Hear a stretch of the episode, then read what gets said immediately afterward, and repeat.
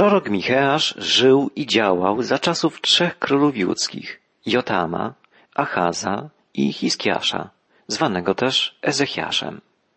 Prawdopodobnie za panowania króla Achaza Micheasz wypowiedział swe najstarsze proroctwo. Proroctwo dotyczące losów Samarii. Stolica północnego królestwa, Samaria, upadła w 721 roku przed naszą erą, a król Achaz sprawował władzę w Jerozolimie w latach 734 do 728 przed Chrystusem.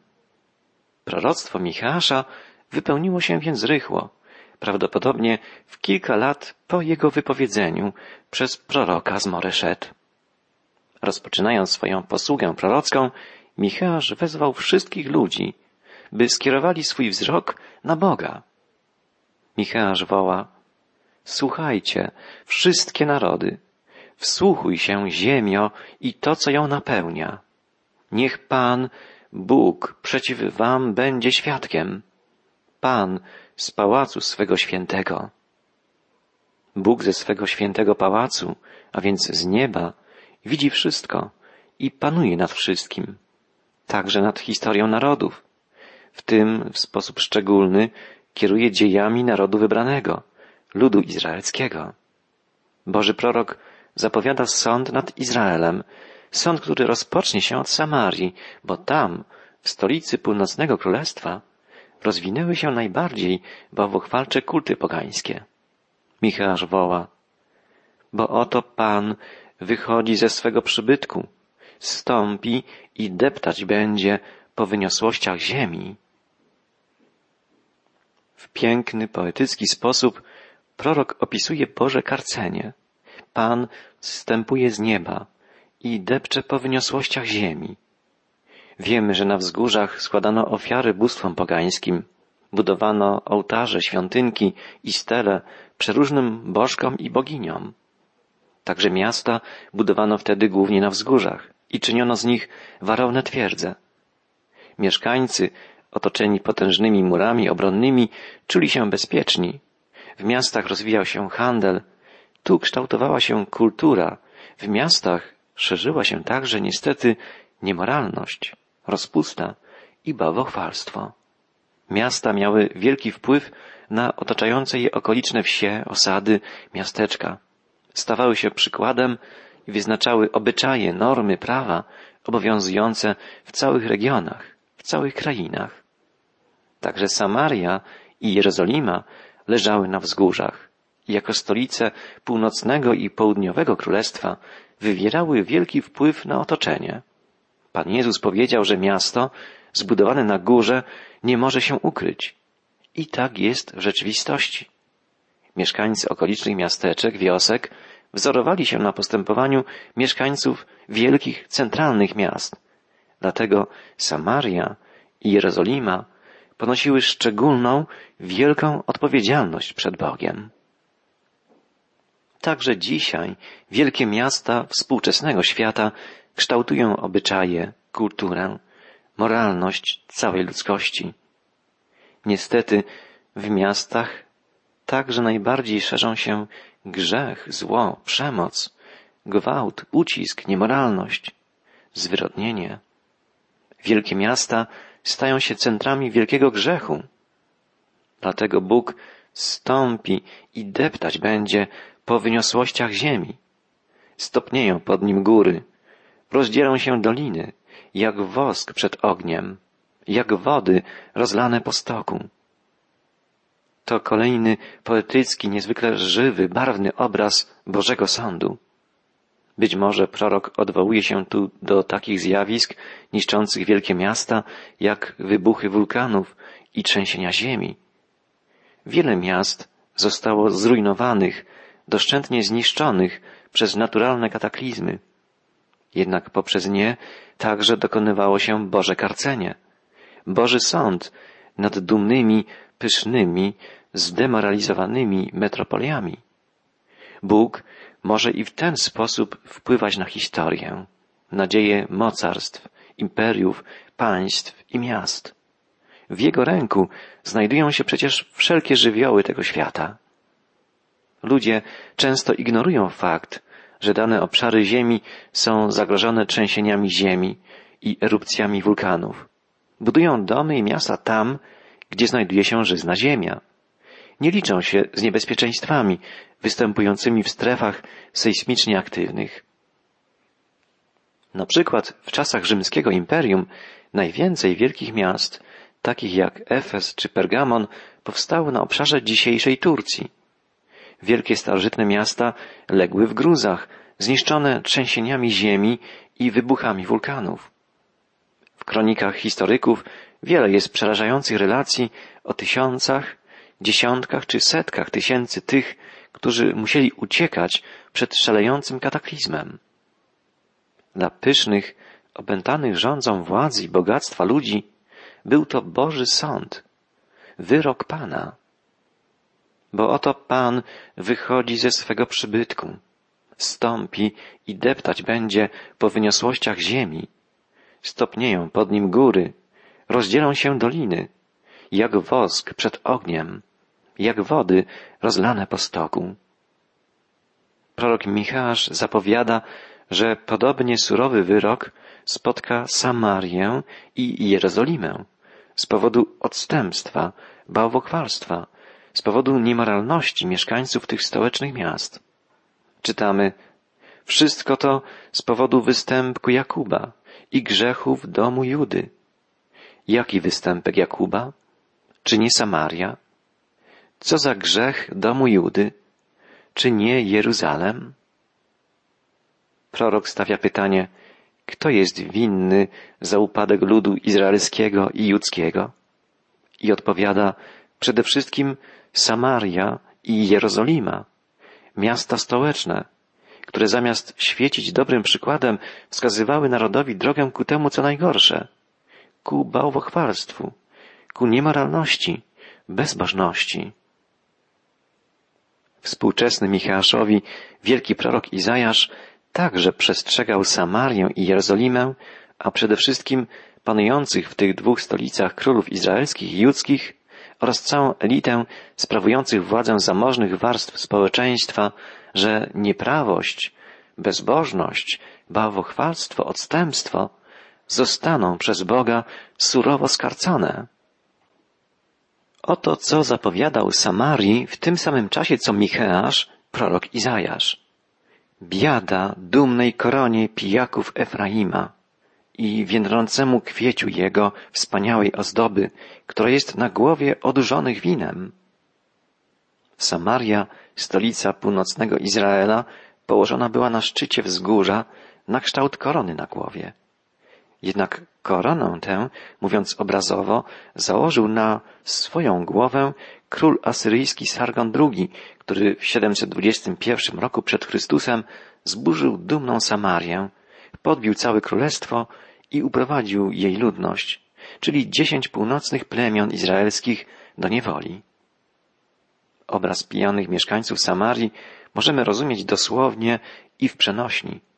W duchowym sensie byli oni upojeni dumą własną, pychą, zarozumialstwem. Nie byli w stanie dostrzec grożącego im niebezpieczeństwa. Nie zdawali sobie sprawy, jak poważne konsekwencje ma ich odstępstwo, oddalenie się od Boga. Dzisiaj wielu jest takich, którym zupełnie brak duchowego rozeznania. Prorok Izajasz wołał, Oto przychodzi od Pana ktoś mocny i potężny, jak burza gradowa, jak niszczący huragan, jak ulewa potężnych rwących strumieni. Ta rzuci ich z mocą na ziemię. W ten obrazowy sposób wielki prorok zapowiedział inwazję asyryjską, która jak burza gradowa, jak niszczycielska trąba powietrzna, jak wody potopu zaleją cały kraj Nogami będzie podeptana dumna korona pijaków Efraima. Wzgórze, na którym położona jest Samaria, to jedno z najpiękniejszych miejsc w Izraelu. Ogrody, drzewa, winnice, otaczające piękne budowle, w tym pałac zbudowany przez króla Achaba, wszystko to dowodzi, że w północnym królestwie izraelskim rozwinięta była wysoka kultura rolna i w ogóle cywilizacja, że ludzie żyli tu w dostatku, w otoczeniu pięknej przyrody. Ze wzgórza Samarii rozciąga się piękny, rozległy widok. Na zachodzie można dostrzec Morze Śródziemne, na północy górę Hermon z ośnieżonym szczytem. Na południu widnieją mury Jerozolimy, położone na kilku wzgórzach. Trudno wyobrazić sobie piękniejsze miejsce na zamieszkanie. Tutaj żyli kiedyś król Achab i jego żona Izabel. Mimo tak pięknego otoczenia byli ludźmi niegodziwymi, złymi, bezbożnymi. Właściwie wszyscy królowie zasiadający na tronie w Samarii byli bezbożni. Dlatego Pan postanowił osądzić Samarię i jej mieszkańców. Zgodnie z proroctwami Izajasza i Micheasza, Samaria została doszczętnie zniszczona i nie została już odbudowana. Posłuchajmy, jaką zapowiedź wygłosił prorok Micheasz. Czytam szósty wiersz pierwszego rozdziału Księgi Micheasza. Przeto uczynię Samarię rumowiskiem na polu, miejscem pod uprawę winnicy. Kamienie jej stoczę w dolinę i obnażę jej fundamenty. Tak właśnie przedstawia się dzisiejszy widok wzgórza, na którym kiedyś wznosiła się pyszna Samaria. Pozostały nagie ruiny, gdzie niegdzie drobne winnice, uprawiane przez Arabów. Jeszcze jedna zapowiedź Micheasza wypełniła się całkowicie. Micheasz woła w imieniu Pana Wszystkie jej bożki będą potłuczone i cały jej dorobek w ogniu spalony. Wszystkie jej posągi rozbiję w gruzy, bo z zapłaty nierządnicy są gromadzone i w zapłatę nierządnicy się obrócą. Micheasz wspomina tu o zapłacie zbieranej przez nierządnice sakralne. Pogańskie świątynie bogaciły się dzięki dorobkowi uzyskiwanemu z opłat składanych przez tych, którzy korzystali z usług prostytutek kultowych. Straszne jest to, że cała Samaria została nazwana przez Micheasza nierządnicą. Zdradzała bowiem Boga prawdziwego, oddając się kultowi bóstw pogańskich. Podobny obraz znajdujemy w proroctwach Ezechiela, który zarówno Samarię, jak i Jerozolimę porównał do nierządnic, dlatego że oddaliły się od żywego Boga. W 23 rozdziale Księgi Ezechiela czytamy Doszło mnie słowo Pana tej treści. Synu człowieczy, były dwie kobiety, córki jednej matki. Uprawiały w Egipcie w swojej młodości nierząd. Tam ściskano ich piersi i tam obmacywano ich dziewicze łono. A ich imiona to starszej Ochola, a jej siostry Ocholiba. Należały do mnie, rodziły synów i córki. Ich imiona to Ochola, czyli Samaria, a Ocholiba to Jeruzalem. Samaria i Jerozolima były miastami stołecznymi. Samaria była stolicą północnego Izraela, a Jerozolima Królestwa Południowego, judzkiego. Samarię nazywa prorok imieniem Ochola, które znaczy dosłownie jej namiot. Natomiast Jerozolima otrzymała imię Ocholiba, co znaczy mój namiot jest w niej. W Jerozolimie znajdowała się świątynia pańska, zbudowana przez Salomona, wzorowana na projekcie przybytku, namiotu wędrującego z ludem izraelskim po pustyni. Była to świątynia zbudowana według Bożego wzorca i tam oddawano cześć żywemu Bogu. Dlatego imię Jerozolimy brzmi Ocholiba, mój namiot jest w niej. Natomiast w Samarii, w stolicy północnego królestwa Izraela, wprowadzono kult bałwochwalczy. Sprawowano obrzędy na własną rękę, według własnego widzimisię. Dlatego Samaria otrzymała imię Ochola, jej namiot. W Samarii nie było Bożego namiotu, Bożej świątyni. Wszyscy Izraelici powinni udawać się do Jerozolimy i tam wielbić żywego Boga, swego Pana. Kult w Samarii był ustanowiony przez przywódców północnego królestwa ze względów politycznych. Obawiano się, że gdy północne plemiona będą uczęszczać do świątyni w Jerozolimie, dojdzie do zjednoczenia całego ludu izraelskiego. A przecież tak miało być. Tego oczekiwał Pan, by cały Boży lud czcił Go i wielbił jednym głosem.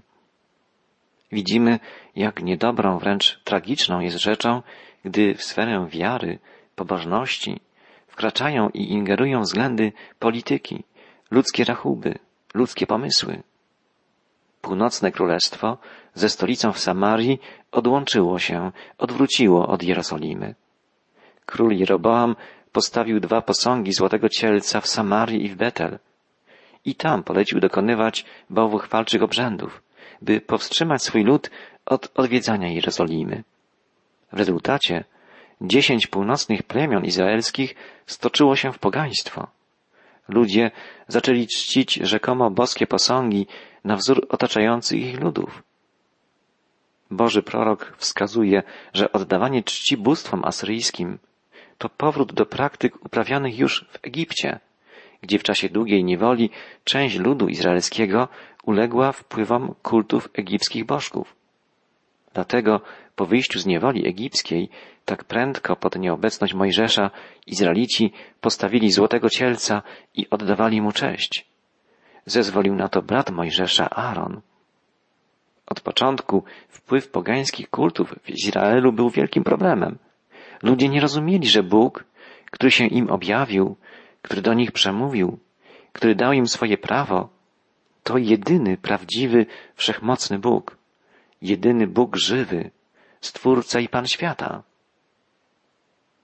Od początku Boży prorocy napominali lud i przyrównywali jego postępowanie do nierządu, do zdrady, zdrady względem ich Pana, jedynego Boga, który ich ukochał i pragnął, by byli Jego wyłączną własnością. Tak jak mąż pragnie wyłączności w stosunku do ukochanej żony. Lecz nie zaniechała swojego cudzołóstwa z Egiptem, bo już w młodości jej z nią obcowali. Obmacywali jej dziewicze piersi i z nią dawali upust swej rozpuście. Dlatego wydałem ją w ręce jej kochanków, w ręce Asyryjczyków, do których zapałała namiętnością. Ci odsłonili jej nagość, zabrali jej synów i córki, a ją zabili mieczem i stała się przysłowiem wśród kobiet, gdyż dokonano nad nią sądu.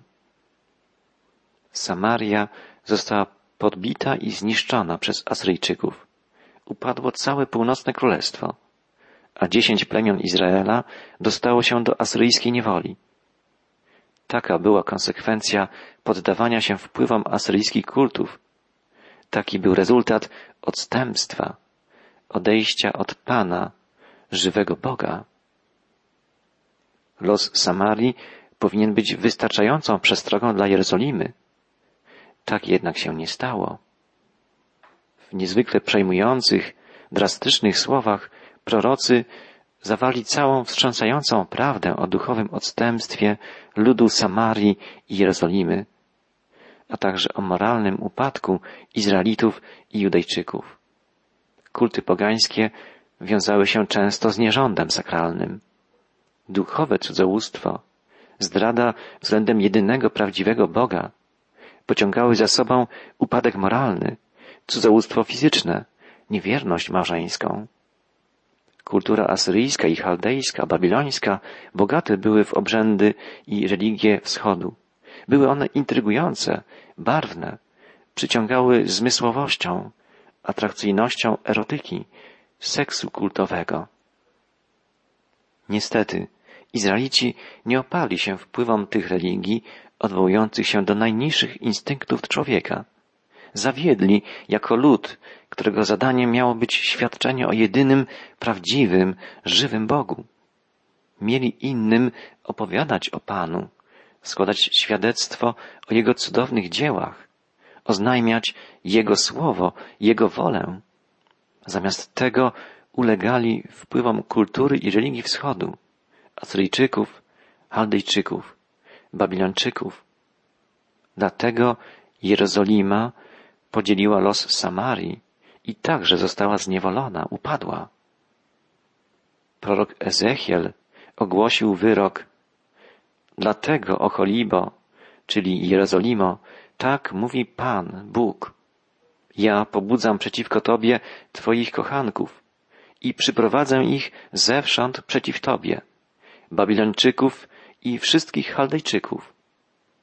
Ci, ku którym zwróciła się Jerozolima, staną się jej niszczycielami, ciemiężycielami. Jerozolima została zniszczona, lud judzki znalazł się w babilońskiej niewoli. Stało się tak w 586 roku przed naszą erą, kiedy Jerozolima została ostatecznie zniszczona, doszczętnie zrujnowana i spalona. Dla nas te tragiczne wydarzenia są wielką przestrogą. I my kierujemy nieraz swoje zainteresowania w stronę rzeczy, zjawisk, idei, które wydają się nam niezwykle atrakcyjne, barwne, ciekawe. Pociągają nas, a po jakimś czasie doznajemy zawodu, frustracji, uczucia niespełnienia. Czujemy się oszukani, zrujnowani. Dzisiaj pociągać nas może wiele filozofii, religii, wiele zjawisk kultury, w tym oddziałującej poprzez media kultury masowej. Pociągać nas może wizja bogactwa, materialnego dobrobytu, wizja tak zwanej wolnej miłości, czyli traktowania spraw seksu jedynie jako przyjemności, czegoś, co nam się należy.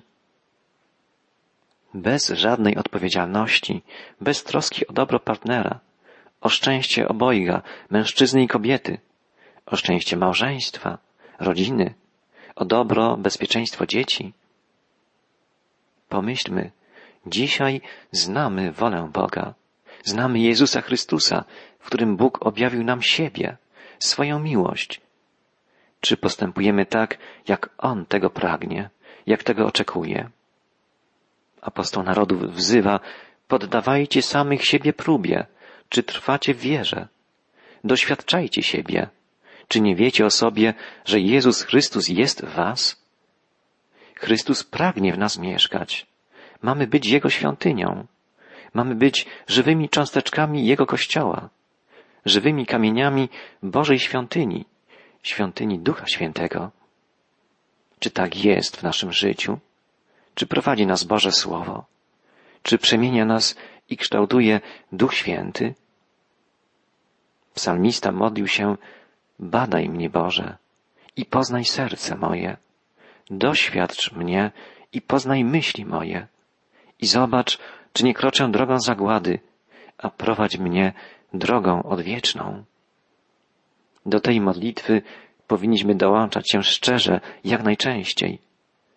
Badaj mnie, Boże, poznaj moje serce, prowadź mnie właściwą drogą, drogą, która prowadzi ku wieczności. Nie popełniajmy błędu mieszkańców Samarii, Jerozolimy.